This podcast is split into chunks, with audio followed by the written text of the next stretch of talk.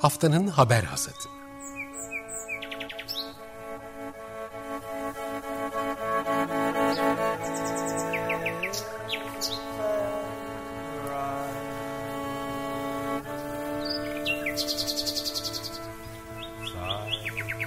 Haftanın öne çıkan iklim haberleri ve araştırmalarından okumalar ve yorumlar.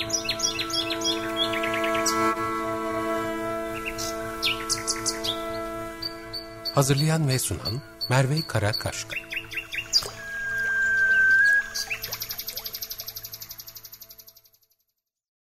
Günaydın, haftanın haber hasatına hoş geldiniz. Açık Radyo'da önümüzdeki bir saat boyunca geçtiğimiz haftanın iklim haber ve araştırmalarından özel bir derlemeyi paylaşacağız sizinle.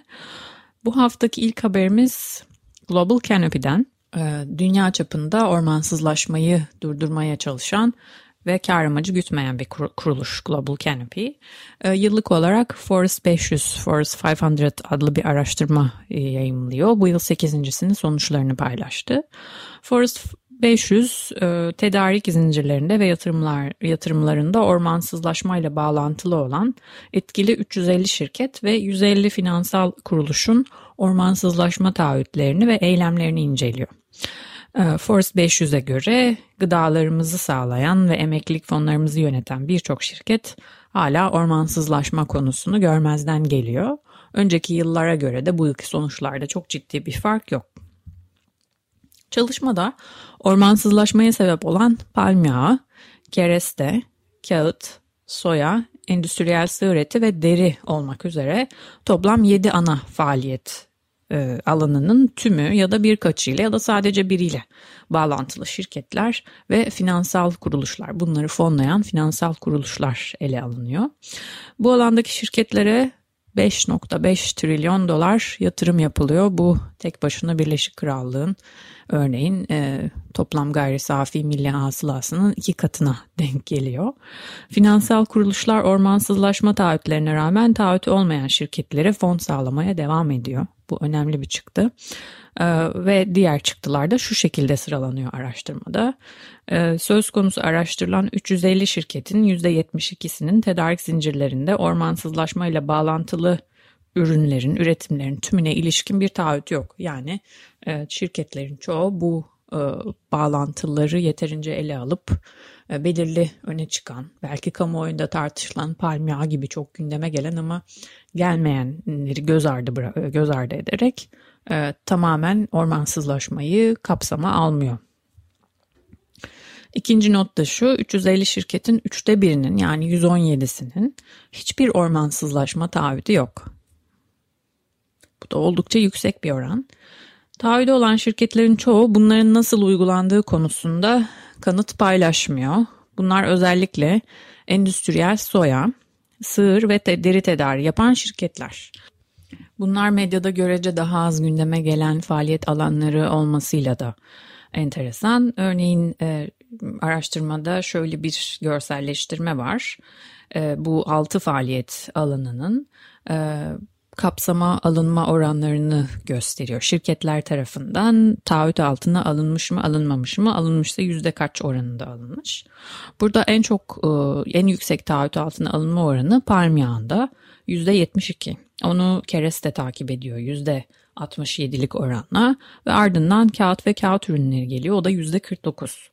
E, soya %40'a iniyor taahhüt altına alınma oranı. Sığır için taahhüt altına alınma oranı %30 ve e, deri için de %28'e kadar düşüyor. Yani bu e, daha az ormansızlaşma ile bağlantısı gündeme gelen e, alanlarda taahhütler de hali, hali hazırda düşüyor. Yani burada aslında şirketlerin hem e, böyle bir baskıya ihtiyaç duyduklarını kamuoyu tarafına söylemek mümkün. Hem de e, diğer tarafta bunun bir aslında PR, halkla ilişkiler e, bağlamında da onlar için değerli olduğunu ama e, görülen hani gerçekte ne kadar bunun peşinde olduklarını da sorgulamaya neden olduğunu söyleyebiliriz bu sonuçların. Araştırmanın diğer çıktılarına dönersek ormansızlaşma daha önce farklı çalışmalarla da e, yer, yer vermiştik. İnsan hakları ihlalleriyle çok bağlantılı e, bir konu. Fakat şirketlerin hiçbiri insan haklarına dair kapsamlı bir yaklaşımda izlemiyor tedarik zincirlerinde. Finansal şirketler nasıl performans gösteriyor ormansızlaşma konusunda diye bakarsak 150 tane finansal şirketin ki bunların arasında dünyanın en büyükleri BlackRock gibi, e, HSBC gibi, JP Morgan gibi birçok e, grup finansal kurum kuruluş var. E, ve bunların hepsinin taahhütlerini de yine araştırmada görebiliyorsunuz taahhüt edip etmediklerini. 150 finansal şirketin 93'ünün ormansızlaşmayla bağlantılı şirketlere yatırım yapma ya da kredi verme konusunda bir politikasının olmadığını görüyoruz. Bu 93 finansal kuruluş ormansızlaşma riski en yüksek olan şirketlere 2.6 trilyon dolar fon sağlıyor. E, bu fonun e, daha yeşil olan yatırımlara aktarıldığını hayal etmek bile kendi başına çok güzel. E, fakat şu anda doğrudan insanların tabağına gelen gıdalar veya işte gelecekte emekli olduklarında harcayacakları paralar tamamen ormansızlaşmayla fonlanıyor ve bu bilgi onlarla paylaşılmıyor. Sadece 23 finansal kuruluş ormansızlaşma politikalarını raporlamış. Kuruluşlardan sadece birkaçı insan hakları ve ormansızlaşma bağlantısını ele alıyor diyor bu rapor. Peki çözüm olarak ne öneriliyor?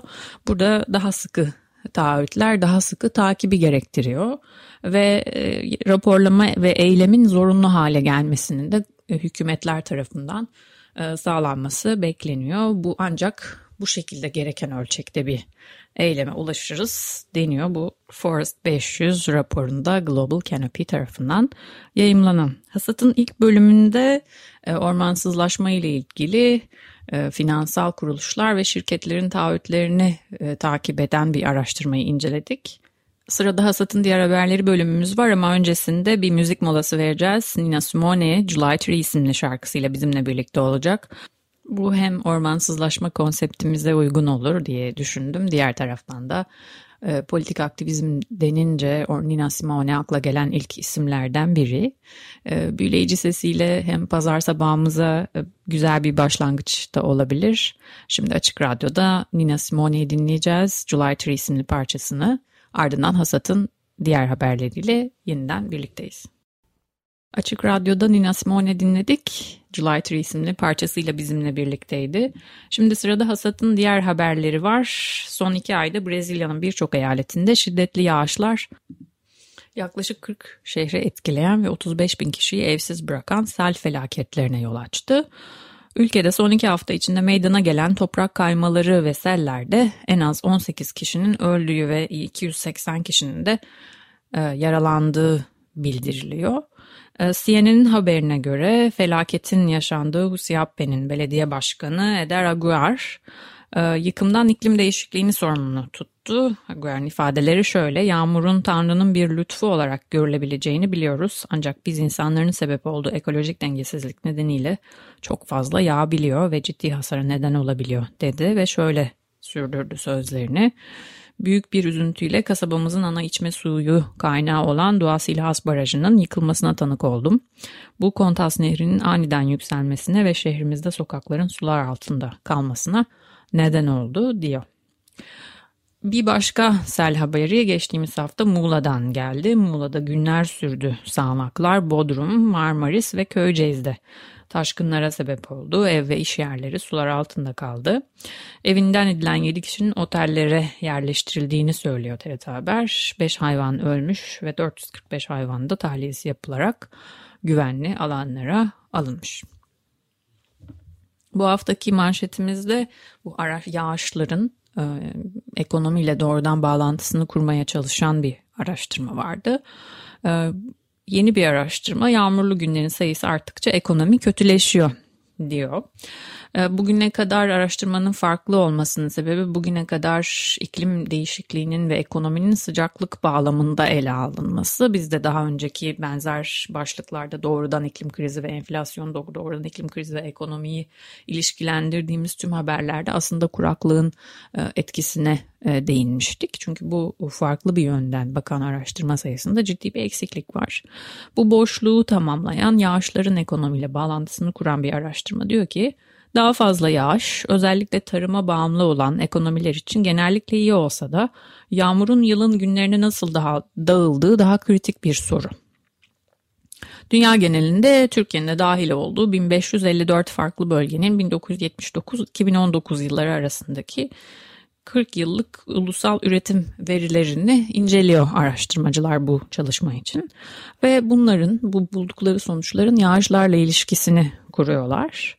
Ve e, ekonomik üretim üzerinde farklı etki tespit, farklı etkiler tespit ettiklerini söylüyorlar ama en önemlisinin en önemli etkinin e, günlük yağışlardaki aşırılıklar olduğunu bulduklarını da anlatıyorlar. Bunun nedeni ise aşırı yağışların neredeyse dünyanın her yerinde gözlemlenir hale gelmesi. Araştırmacılar aşırı yağışların iklim krizinin etkilerinin en net gözlendiği konu olduğunun da altını çiziyorlar. Ee, burada yağışların artmasının sebebi sellerin artmasını açıklarken kullandığımız ifadelere çok benziyor. Ee, fosil yakıtlara bağımlı aktiviteler, endüstriyel hayvancılık gibi pratikler, tarımlar, endüstriyel tarım ve hayvancılık gibi pratikler gezegeni ısıtıyor. Sera gazları salıyorlar ve gezegeni ısıtıyorlar. Isınan havanın su buharı tutma kapasitesi de artıyor. Araştırmanın ortak yazarı Anders Leverman, yıllık ortalamalar yerine kısa zaman ölçeklerine daha yakından bakmak neler olup bittiğini anlamaya yardımcı oluyor. Tehdide oluşturan günlük yağış diyor. Hani uzun vadeli etkiler yerine bu kısa e, süreli şoklara bakmak daha önemli diyorlar. Çünkü aslında e, yaşadığımız ekonomik sistemi ya da ekonomimizi sarsan, doğayı sarsan aslında bu kısa vadeli beklenmeyen e, normalin dışında gerçekleşen insanın sebep olduğu şoklardır diyor bu araştırma. Şimdi hazır yağmurdan bahsetmişken bir Led Zeppelin şarkısı dinlemek için iyi bir fırsat olabilir. Uh, The Rain Song Led Zeppelin'in en popüler parçalarından biriydi. Grubun e, kurucusu ve efsanevi gitar, gitaristi Jimmy Page e, ve solisti Robert Plant'in e, Londra Metropolitan Orkestrası ile bir düetleri var. Bunu dinleyeceğiz ardından haftanın haber satına devam edeceğiz. Açık Radyo'da The Rain Song'u dinledik. Jimmy Page ve Robert Plant'in Londra Metropolitan Orkestrası ile düetiydi. Şimdi Hasat'ın diğer haberlerine devam ediyoruz. İlk bölümde e, yağmurlardan bahsettik. Yağmurların, ekstrem yağmurların e, aşırı hava olayları olarak artış sıklığından bahsettik ve bunun ekonomilere aslında önemli ölçüde zarar verdiğini bulan bir araştırmayı konuştuk. Şimdi bu sıcaklık artışları ile ilgili elimizde yeni veriler var. Geçtiğimiz hafta birincisi Avrupa Birliği Kopernik İklim Değişikliği Servisi, ikincisi de NASA 2021 e, yılına dair sıcaklık e, bulgularını paylaştılar. Önce e, Kopernik İklim e, Değişikliği Servisi açıkladı. 2001 yılının dünya genelinde kayıtlara geçen en sıcak 5. yıl olduğunu söyledi. 2021'de sıcak ve kurak hava koşulları Akdeniz'de yangın mevsimini yoğunlaştırdı, uzattı ve Türkiye en çok etkilenen bölgelerin başında geliyor dedi raporda. Bununla birlikte e, raporda metan ve karbon salımlarının da e, rekor düzeye geldiği açıklandı ve e, Avrupa'da 2001 yazının en sıcak yaz olarak da kayıtlara geçtiği söylendi. 2021'de ortalama sıcaklık sanayi devrimi öncesi seviye olan 1850 ve 1900 yılları ortalamasının 1.1 ila 1.2 derece üzerinde gerçekleşti. Temmuz ayında Batı Avrupa'nın ortasında çok şiddetli yağışlar yaşandı. Almanya, Belçika, Lüksemburg ve Hollanda bu sellerden çok ciddi etkilendi. Son 30 yılda karşılaştırıldığında sıcaklık değerleri ortalamanın üstüne en fazla çıkan bölgeler arasında Amerika Birleşik Devletleri ve Kanada'nın bazı bölgeleri, Orta ve Kuzey Afrika ve Orta Doğu'nun büyük bir kısmı yer aldı. En fazla soğuyan bölgeler ise Sibirya'nın batısı ve doğu, en doğusu, Alaska ve Büyük Okyanus'un ortası ve doğusu, Avustralya'nın çoğu ve Antarktika'nın bazı bölgeleriydi. Akdeniz bölgesi ise Temmuz ayı boyunca ve Ağustos ayının bir bölümünde sıcak hava dalgasına maruz kaldı. Yüksek sıcaklıklar özellikle Yunanistan, İspanya ve İtalya'yı etkiledi. Sıcak ve kurak koşullar Doğu ve Orta Akdeniz'de yangınları tetikledi e, ve burada yoğun ve uzun süreli orman yangınları gerçekleşti. En çok etkilenen ülkelerin başında Türkiye geliyor. Bununla birlikte Yunanistan, İtalya, İspanya, Portekiz, Arnavutluk, Kuzey Makedonya, Cezayir ve Tunus orman yangınlarıyla mücadele etti bu yaz. Kopernik İklim Değişikliği Servisi Direktörü Carlo Buontempo bu olaylar gidişatı değiştirme, sürdürülebilir bir topluma yönelik kararlı ve etkiler etkili adımlar atma ve net karbon emisyonlarını azaltma yolunda çalışmamız gerektiğini açıkça hatırlatıyor dedi.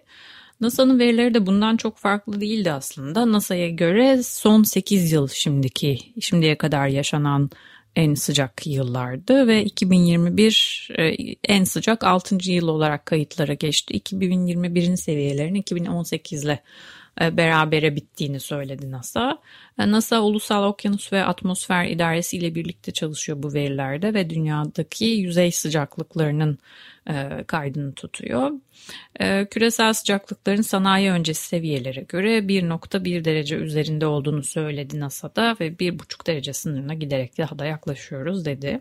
Bu sıcaklık artışlarının ekstrem yağışları tetiklediğini söyledik ama ekstrem yağışları sıcaklık artışlarıyla birlikte yüzey sıcaklıklarıyla birlikte tetikleyen hatta kasırgaların e, sayısını ve sıklığını artıran bir diğer faktör okyanuslar. Isıtmanın okyanuslara etkisi. Bu konuda da yeni bir araştırma var.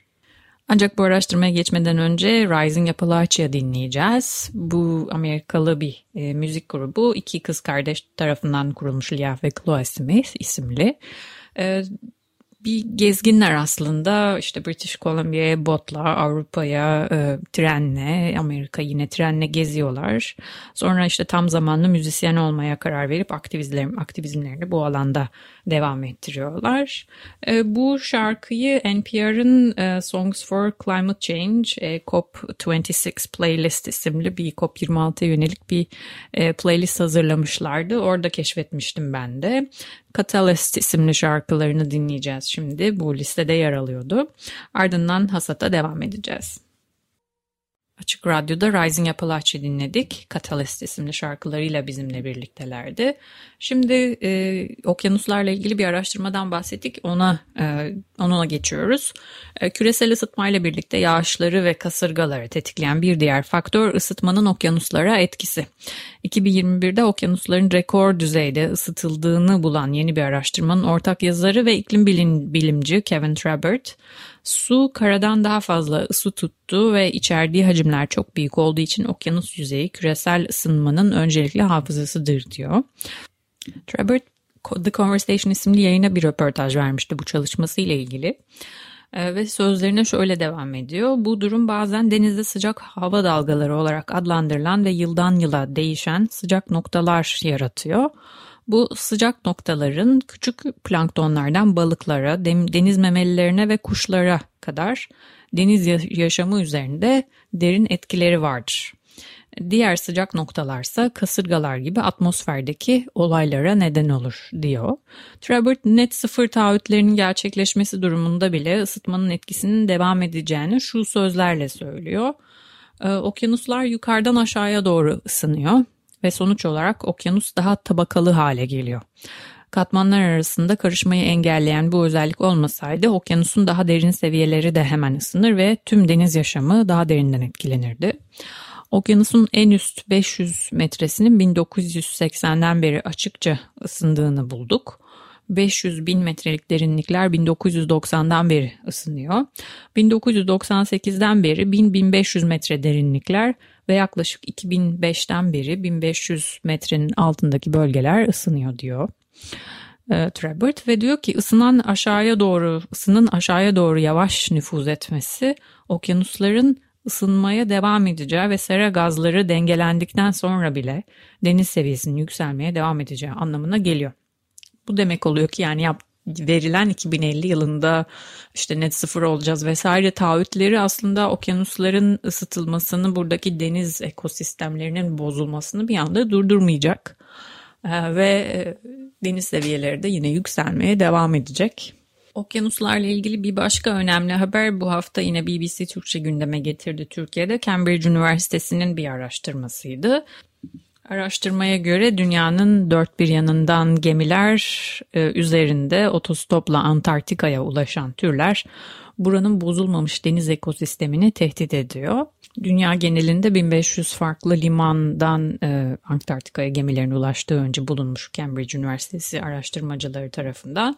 Sonra bu canlıların nasıl buraya ulaştığı e, düşünülmüş ve biyolojik kirlenme adı verilen bir süreçle gemi gövdesine tutunup seyahat ettikleri söyleniyor. İşte canlılar arasında midyeler, sülük ayaklılar, yengeçler ve algler var. Ee, midyelerin kutup sularında hayatta kalabildiğini ve kolayca yayılabildiğini söylüyorlar. Bunlar da deniz yaşamını, deniz tabanındaki yaşamı tehdit edebiliyorlar. Çünkü suyu filtreliyorlar ve bu da denizdeki besin zincirini ve onun etrafındaki suyun kimya, kimyasını değiştiriyor. Araştırmacılar burası denizde istilacı türlere sahip olmadığımız dünyadaki son yer diyorlar. Ama burayı hala korumak için bir fırsatımız var. Çünkü e, en önemli kirlilik turist trafiği nedeniyle gerçekleşiyor. Daha doğrusu bölgeye en yoğun ziyaret turist trafiğiyle gerçekleşiyor. Bazı önlemler alınıyor ama bunlar kısıtlı. Ee, buraya ulaşan e, gemilerin biyogüvenlik protokollerini takip etmesi ve bunun tüm gemileri ve tüm noktalara uyarlanması bir çözüm olarak görülüyor şimdi. Hasat'ın son araştırmasına geçmeden önce biraz daha karalara gözümüzü çevirelim ve The Mountain Song'u dinleyelim istiyorum. Old and Strong şarkının bir diğer ismi de. Ee, Janet Russell ve Kristen Kayd'ın duru seslerini e, ile yaptıkları bir düet. Onun ardından Hasat'ın son araştırmasına göz atacağız birlikte. Açık Radyo'da Old and Strong The Mountain Song'u dinledik. Janet Russell ve Kristen Kite bizimle birlikteydi. Şimdi haftanın haber hasatının son araştırması Science dergisinin bu haftaki kapağında yer aldı. Bu da yine çok az araştırıldığı söylenen bir alanda. E, kuş ve memelilerin soyunun tükenmesinin bitkilerin iklim kriziyle birlikte hayatta kalma şansını nasıl etkilediğine bakıyor. Çünkü bitki türleri e, tohumlarının taşınması için hayvanlara bağımlı. Araştırmaya göre bitki türlerinin yarısından fazlası bunun için hayvanlara ihtiyaç duyuyorlar. Rice Üniversitesi, Maryland Üniversitesi, Iowa Eyalet Üniversitesi ve Aarhus Üniversitesi'nden yani Amerika'dan ve Danimarka'dan araştırmacılar dünya çapında tohumları kuşlar ve memelilerin e, katkısıyla dağıtılan bu bitkilerin durumunu e, haritalamak için makine öğrenimi ve binlerce saha çalışmasından elde edilen verileri kullanmışlar. E, günümüzdeki tohum dağılım haritalarını eğer insan etkisi olmasaydı nasıl bugün nasıl görüneceğine dair de veriler elde etmişler. Araştırmanın başyazarı ve Rice Üniversitesi ekolojisti Evan Frike, bazı bitkiler yüzlerce yıl yaşar ve tek hareket, etme şansları tohumların arazide hareket ettiği kısa bir dönemdir diyor. Fakat iklim değiştikçe birçok bitki türünün daha uzağa, daha e, uygun bir ortama taşınması gerekiyor. Fakat tohumların bu değişen e, koşullara uyum sağlaması için taşınmasını sağlayacak hayvanlar ortada yoksa e, bitkilerin yok olma tehlikesiyle karşı karşıya kalabileceğini söylüyorlar. Frike diyor ki meyvelerini yiyebilecek veya fındıklarını alıp götürebilecek hayvanlar yoksa tohumlarını dağıtmak için hayvanlara bağımlı bitkiler çok uzağa hareket edemiyor. Çalışma tohumların dağıtım kayıplarının özellikle Kuzey Amerika, Avrupa, Güney Amerika ve Avustralya'daki ılıman bölgelerde şiddetli olduğunu göster gösteriyor. Nesli tükenmekte olan türlerin de soyu tamamen tükenirse en çok Güney Amerika, Afrika ve Güneydoğu Asya'daki tropik bölgeler etkilenecektir diyorlar. Filke, memeli ve kuş türlerinin yalnızca yüzde birkaçını kaybetmelerine rağmen tohum dağıtım oranlarını yüzde 95 oranında kaybeden bölgeler var diyor. Araştırma özellikle iklim ve e, biyoçeşitlik krizi arasındaki e, kesişimi altını çizdiği için oldukça önemli. Çünkü e, şunu söylüyor. E, bu e, tohum dağıtımı yapan hayvanların biyoçeşitliliği aslında bitkilerin iklim değişikliğine direnci için anahtar, kilit özellikte e, ve bu bitkilerin de aynı zamanda karbon depoladığını, insanları ve hayvanları beslediğini düşünürsek aslında orada da yine çarpanlı bir etki var. Araştırmanın sonucunda e, şunu söylüyorlar, çoğalmak için hayvanlara bağımlı bitkilerin iklim değişikliğine ayak uydurma yeteneği bu tür bitkilere yardım eden memelilerin ve kuşların kaybı nedeniyle %60 oranında azalıyor ortalama olarak. Bu süreci yavaşlatmak için ekosistem restorasyonunun yani doğal habitatları birbirine bağlayacak ekosistem restorasyonunun da önemli olduğunu söylüyorlar. Bir çözüm olabileceğini söylüyorlar araştırmacılar. Şimdi artık hasatın sonuna geliyoruz ee, ve e, son haberimizi paylaşmadan önce de hazır tohumları taşıma konusunda çok önemli görevler üstlenen kuşlarla ilgili bir parça dinleyeceğiz. Aslında kuşları dinleyeceğiz. Bu Australian Bird Calls isimli e, bir proje Songs of Disappearance isimli bir albüm çıkardılar. Bu albümün bütün gelirlerini de e, türleri tehlike altında olan 53 e, kuş için harcadılar. Onları korumak için harcadılar gelirlerini. E, burada farklı kuş türlerinin seslerini dinleyeceğiz. Ardından da e, hasatın sonuna geleceğiz.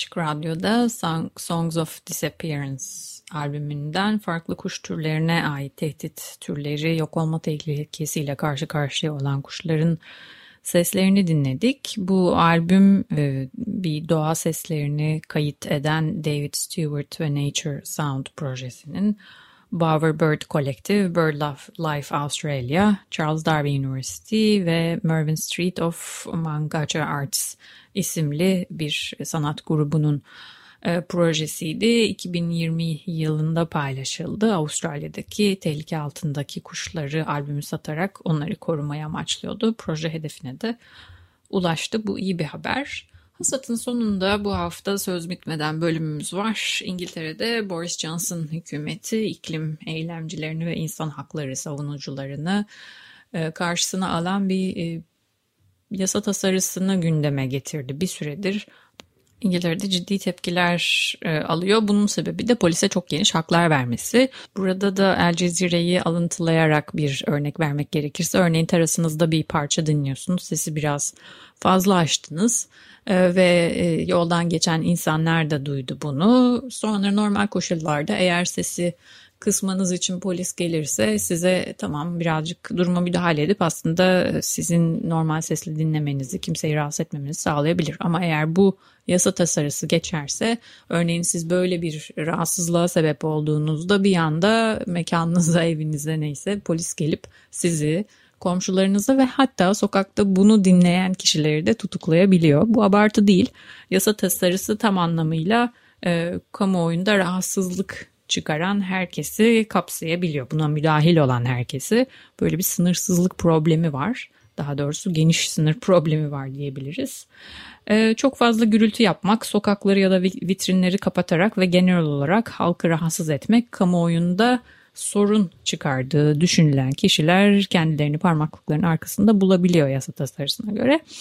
Bu da halkın barışçıl bir şekilde toplanma ve demokrasiye katılımında caydırıcı etkiye sebep olacak haliyle İngiliz İnsan Hakları Grubu Liberty bu yasa tasarısı zor kazanılmış ve benimsenmiş özgürce toplanma ve muhalefeti ifade etme haklarının ortadan kaldırılmasıyla hepimizi etkileyecek diyor.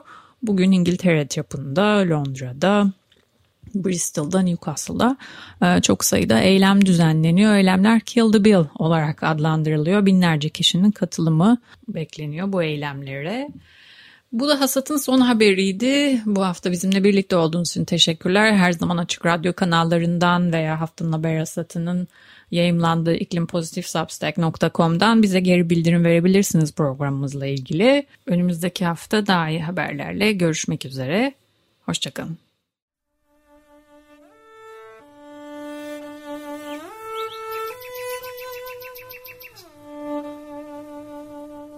Haftanın haber hazırdı.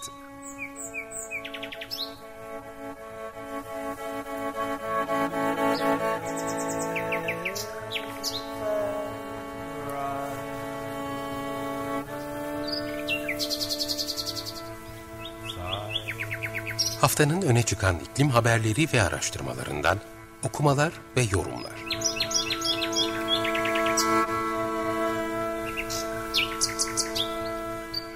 Hazırlayan ve sunan Merve Karakaşka